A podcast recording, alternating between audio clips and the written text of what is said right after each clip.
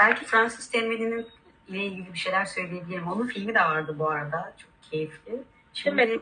Fauves ya da Nabokov o postmodern dönemin e, mimarlarından aslında. Öncesinde de modern dönem var işte. Aslında biraz Victor Hugo gibi sefirler dediğimiz insanlar şey kitaplarda genelde bir sosyal bir ders vermeye çabalıyorlar. Yani yazar ve kendisini çok üste görüyor. Bütün insanları tanrı gibi karakterize ediyor. Onlar arasında sebep sonuç ilişkisi kuruyor.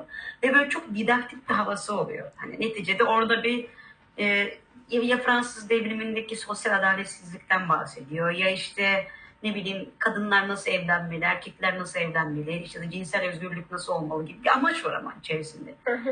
Modern dönemdeki ve genelde şey gibi e, o insanların duygularını yazar dışarıdan böyle sanki altyazıdan duygular geçiyormuş gibi okuyor. Yani öyle bir dünya yok ya aslında insanlar hani o kadar duyguları dışarıdan okuyamıyoruz. Postmodernde tam böyle bir ara dönemi var işte. Fauves mesela kitabında Fransız de- şeyin ara ara yazar olarak içeri girip bunun bir kurgu olduğunu sana hatırlatıyor. Bir dakika diyor merak etmeyin bu gerçek değil ben şu an uydurdum bunu. Bilmiyorum "Ay, şöyle yapacaktım ama vazgeçtim şimdi kadını böyle yapacağım diyor. Hani ya da sonunda işte o üçlü olmasının sebebi bilimsel anlamda öyle bir açık alan bırakmasından ziyade ya kafanız öyle takılın ben de zaten bir tarafından uydurdum bunu. Hangisi hoşunuza gidiyorsanız ama yani aslında romancı biraz romanın o eski modern o eski oturmuş hali dalga geçen insanlar bunlar. Mesela biraz e, Oğuz Atay da bunlardan etkilenmiştir. Yani o yüzden mesela tutunamayanlar da çok ara ara küçük sarkastik dokunuşlar yapar. Ama bir yandan modernist de bir yanı vardır. Çok böyle hani kurgusal bir e, amacı da vardır. İşte tutunamayan bireyin ya da işte bir mitlerin, mitolojilerin her şey içine yedirmeye çabalar. Ama şu an bizim ilgimizi çeken roman galiba direkt bu ikisini de yapmıyor. Artık romancı sarkastik moddan çıktı. Olayın kurgu olduğunu biz biliyoruz. Buna bizi hatırlatmasına gerek yok. E, ya da didaktik bir amaç içerisinde olduğu zaman hemen çakıyoruz. Hoşumuza gitmiyor. Yani ama bu çok bilmem neymiş gibi. Ama aynı bu Dostoyevski geleneği diyorlar.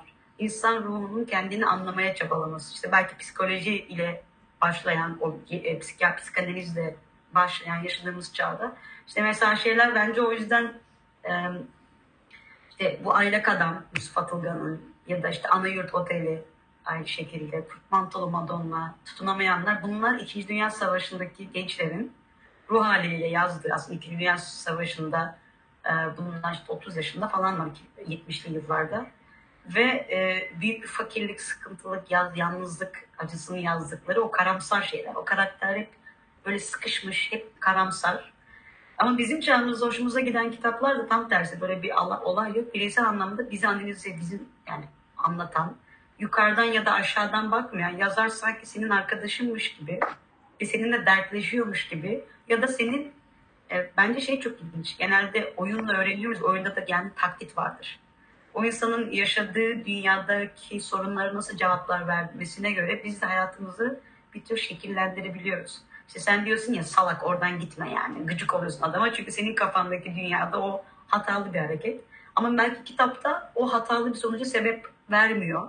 Aksine hoşuna giden bir şey çıkıyor. Ve sen diyorsun ki "Ya belki ben de cesur olup bunu yapmalıyım hayatta. O yüzden böyle bir tür e, aktif psikolog. Belki çünkü genelde psikologlar pasif kalırlar ya hani çok fazla senin hayatında ne yapman gerektiğini söylemekte çekinirler. Senin kendini keşfetmeni sa- sağlamaya çabalarlar. Ama kitaplarda bayağı yani sen ne yap ne yap önemli değil ama ben bunu yaptım sonuç bu çıktı işine geliyorsa yap gibi bir e, hava var. O yüzden çok daha yakın hissediyoruz bence diye düşünüyorum eski romancıların iletişim şeklinden farklı olarak içerikte. Yani şimdiki dönemde de o kadar otorite var ki ülkemizde, dünyada. İnsanlar gerçekten söylediğindense ben çok okuyucu arkadaşımla konuşuyorum. O bahsettiğim gerçekten yazarın yukarıdan bakması ve sana bir şey öğretme çabası çok itici geliyor. Çünkü artık kitaplar bizim kaçmak istediğimiz yer. Toplumun hayatı, siyasetin, ekonominin her şeyin gerçeğinden kaçıyoruz. Biz okuyanlar aslında daha içe dönük insanlarız. Belli bir kafada insanlarız. O yüzden bir de bu kadar taşkalanın içinde benim de o dersi almak hoşuma gitmiyor mesela. Çok fazla bak burada bu var, bunu böyle öğren, bu budur dendiğinde ben orada kopuyorum. Ya ders verme. Bir arkadaşım şunu demişti, hiç unutmam. Bir edebiyat öğretmeniyle konuşmuş.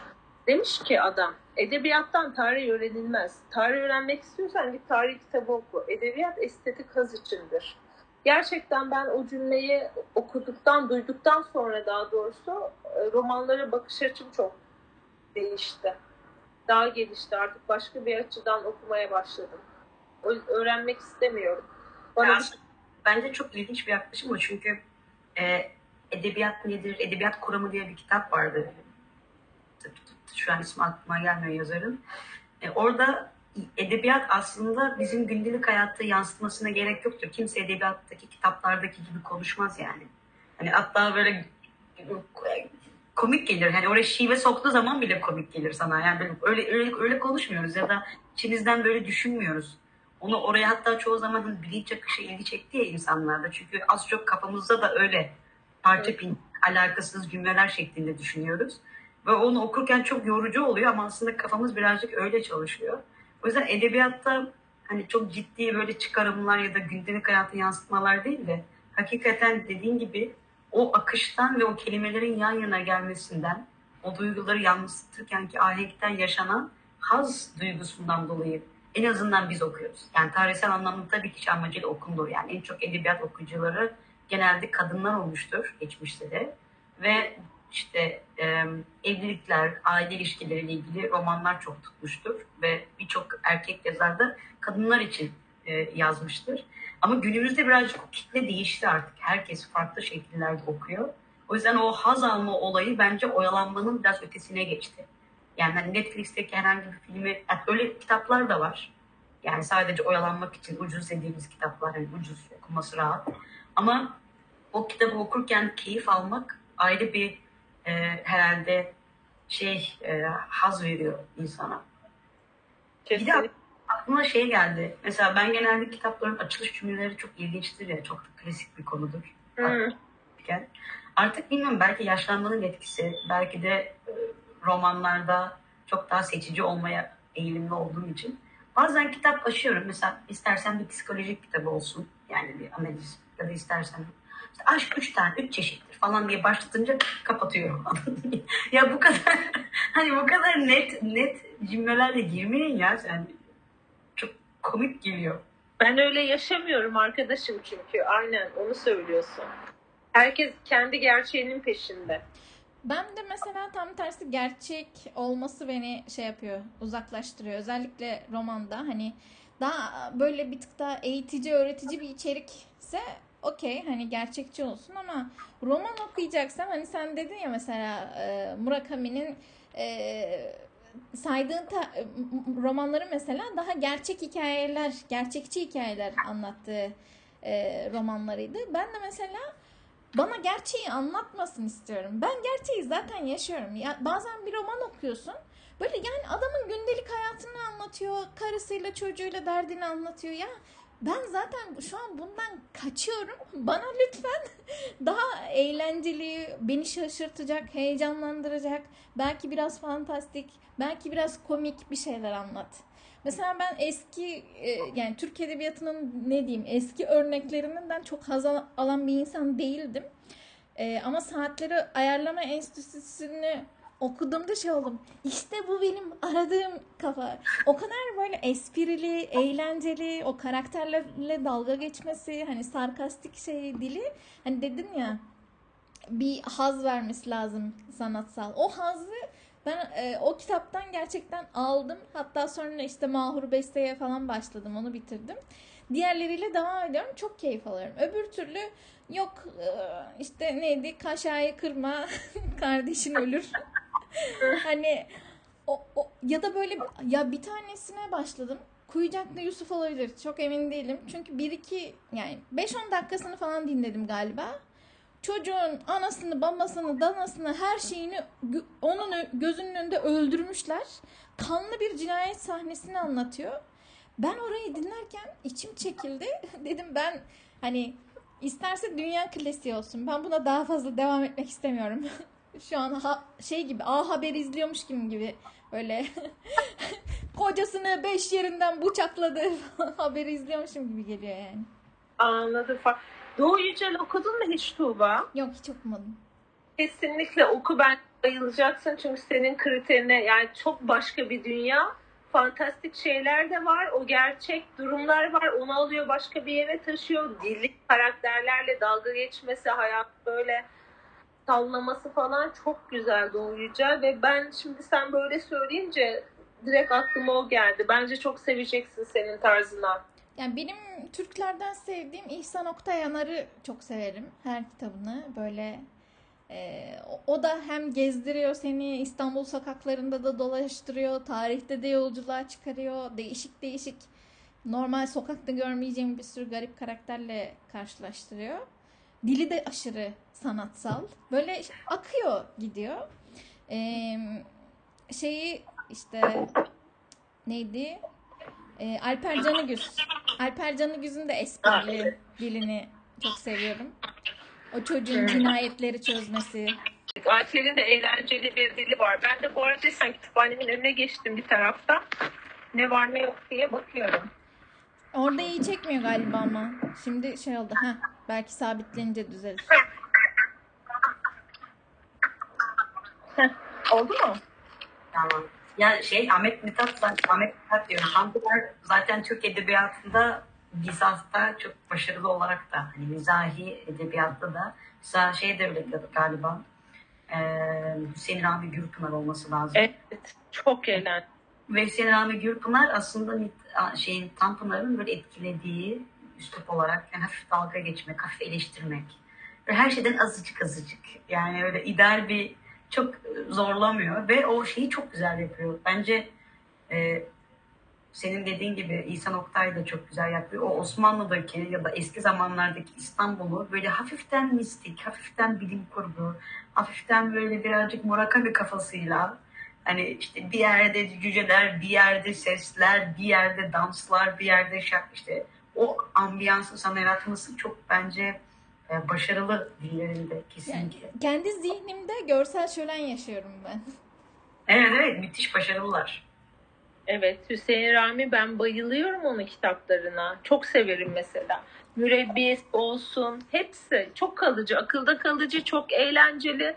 Sistemi de çok güzel eleştiriyor ama dalga geçerek böyle tiye alarak da evet güzel o da güzel. Ya dönem dönem galiba benim ihtiyaçlarım değişiyor. Mesela bir dönem bu Tuğba söylediğin tarzda ben de daha yakın hissediyorum kendimi ama bir dönem daha ben toplumcu gerçekçi kafasındayım diyorum. Bir dönem mesela büyülü gerçekçilik okumak istiyorum. Biraz dönemsel de çok bir tarzım yok. Büyülü gerçekçilik ne? Cahil cahil sorular soracağım.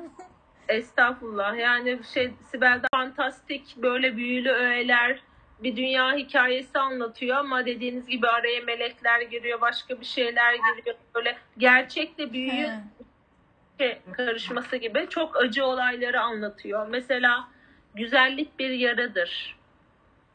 Bu kitabı ya okuyun okutun. Benim mesela hayatımda beni en etkileyen kitaplardandır. Çok acı şeyler anlatıyor ama büyülü gerçekçilik olunca sen onu okuyabiliyorsun. O dediğin dram 3. sayfa haberi gibi değil.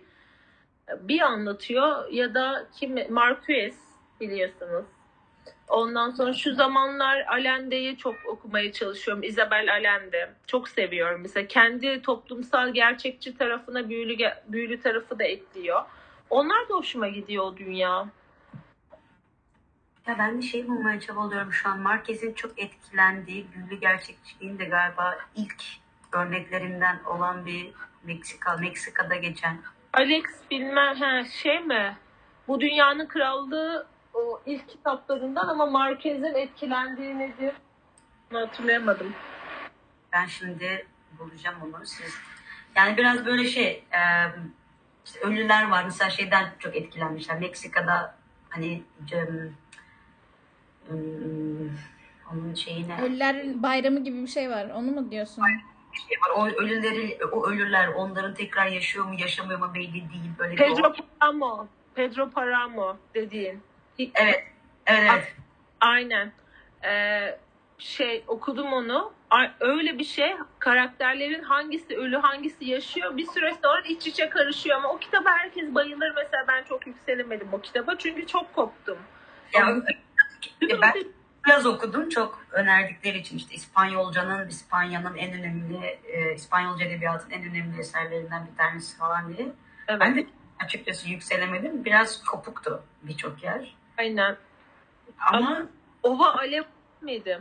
efendim Ova Alev Alev'di galiba. Ovalı bir kitabı daha var. Onu mesela çok öneriyorlar. Hatta Pedro Param önüne koyuyorlar. İlk o, okuduğumuz kitabının. Ben onunla devam edeceğim. Yine yazara bir şans vermek istiyorum. Ya biraz bunlar şey e, acılı olayları hafiften böyle e, mistik bir ortamda anlatıyor. Ya bazen işte Latin Amerika'daki iç savaşlar, bazen oradaki haksızlıklar ama biraz eğlenceli, biraz böyle şakır şıkır. Hani yine birazcık İhsan Oktayanlar'daki gibi ama daha dramatik bir hava var. E, tabii ki İspanyollar demeyeyim ama Latinler, Latin Amerikalılar çok çektiği için İspanyollardan. E, ister istemez edebiyatçıları da çok iyi ve bu, bu tarz edebiyat e, ürünleri veriyorlar. Aklıma şey geliyor, haz alırken acaba bir kitapta dışarıdan nasıl bir tipim oluyor diye bakıyorum, düşünüyorum. Bir tanesi hakikaten yüzünde böyle salak bir gülümseme asılı kalıyor. Yani okuyorsun böyle e, o espriler olduğu zaman. Ben mesela çok isterdim. Galiba Kindle'ın öyle bir projesi vardı hatta ileride. Sen okurken kitabı suratındaki mimikleri takip etmek istiyor. Ee, Aa. Enteresan, enteresan bir şey olurdu. Yani bir, bir ortalama hani birazcık data kısmımızı konuştu, konuşalım. Düşünsene sen Kindle okuyorsun ya da bir uygulama okuyorsun. Oradan bütün sayfa, hangi sayfada olduğunu biliyor ve senin yüz mimiklerini biliyor. Okuduğun satırı biliyor. Ve kitabın duygu durumunun insanlardaki farklı kültürlerde farklı grafikleri çıkacak değil mi? Yani Türkiye'deki bir insan o sayfada gülerken belki aynısını İspanyol'da gülmeyecek. Enteresan bir data çıkabilirdi. Ve e, herhalde suratımızda asılı, gülücüğün asılı kaldığı anlar çok enteresan. Mesela ben şeyde çok yaşamışımdır onu. Tanpınar'ın kitabında. Ulan hani öyle gülüyorsun yani çok komik. Ya da Proust'ta çok yaşamıştım Marcel Proust'da. Ee, yani okuyorsun ve o kadar güzel ifade etmiş ki o sat- satırı. Hani şu kitabı şöyle bir kapatıp ulan diyorum Fizimek ne kadar güzel yazmışsın. Yani hani tat noktada yani bir, bir yutkunmak, yutkunmak istiyorsun. O kadar güzel ki yani onu içine almak istiyorsun gerçekten. Müthiş müthiş ifade ediyorlar insanlar. Ee, o hazzı göstermek enteresan oluyor bence. Çok güzel. Ben bilmiyordum Kindle'ın böyle bir şey üzerine çalıştığını veya böyle bir fikir olduğunu ama neden olmasın çok uygulanabilir ve muhteşem bir şey. Yani anlatırken bile çok eğlenceli. E Çünkü şey yaptırmak istiyor ileride. Çok da mantıklı. Chat GPT gibi şeylere insanların dikkatlerini dağıtmayacak, bağımlılıklarını arttıracak bir şey yazdırmak istiyorlar. E bunu yazdırabilmek için senden bazı datalar alması gerekiyor. Nerede gülüyorsun, nerede eğleniyorsun, nerede hızlı hızlı gidiyorsun, okuyorsun, nerede sıkılıyorsun dat- datasını alarak da e, o kısmı silecek belki. Yani o kısımda baktı herkes sıkılıyor, silecek ya da e, çok mutluluk çünkü insan doğasının az çok çalıştığı bir mekanizma var işte. Önce bir umut, sonra bir acı, sonra işte bir merak ve sonuç. Ve birçok romanda bana öyle kurgulanmış gibi. E şimdi sen de belki sürekli mutlu mutlu olduğu zaman da sıkılırsın. Biraz yüzün koyayım. Topluma göre belki Türkiye'deki versiyonunu da biraz daha değiştirecekler. Hani daha drama sever bir toplum olduğumuz için. E, çünkü şeyde bunu yaptılar mesela. E, Harari'nin kitaplarında e, da- şeyle yapmadılar, ya- ya- yapay zekada değil. Ama her ülkeye çeviri yapıldığı zaman o ülkenin konseptine göre bazı bölümler uzatıldı. Bazı bölümlerdeki örnekler yerel şakalarla değiştirildi. Ya da işte yerel mesela Sezen Aksu falan geçiyor abi. Sezen Aksu diyor. Mesela diyor hani Hı. Türkiye'deki insanların, o bildiğimiz insanların ya da şakaların ya da deyimler oradaki editörlerle birlikte güncellendirir insanlar daha yakın hissetsin diye. Mesela bu böyle çok manuel yapılan bir şey ama ileride çok rahat otomatik yapılacaktır diye düşünüyorum. Ben bazen şey oluyor, e, Türkçesini okurken çok etkilendiğim bir cümle ya da çok etkilendiğim bir ifade oluyor. Sonra onun orijinalini bulmaya çalışıyorum. Bu yazar gerçekten bu espriyi, bu şakayı akıl etti de mi yazdı?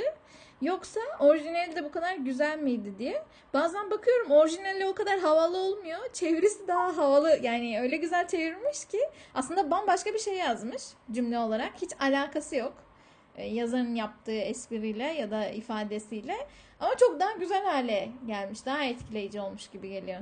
Yani bu ne kadar iyi bir şey bilemiyorum ama Evet ya yabancı edebiyatta şöyle bir tartışma var ya ki doğru çevirmenin kalitesi. Bir yerden sonra yazarı değil çevirmenin dünyasını okuyorsun. Yani onun yorumu çok etkiliyor. İyi yönde de olabilir ama bunların kötülerini de görüyoruz tabii. Bazıları çok cansız.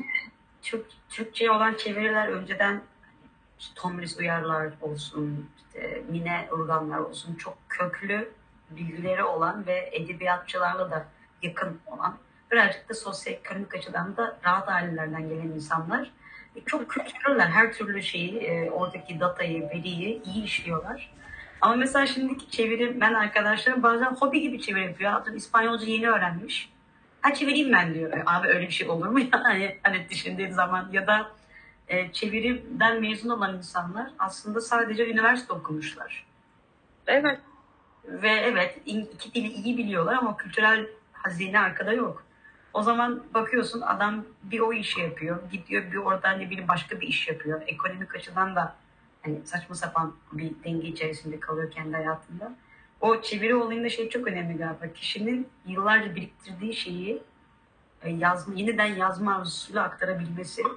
Çoğu zaman öyle insanlar artık günümüzde pek ben e, yani hala bir en iyi çeviri- yapanlar yine eski nesilden.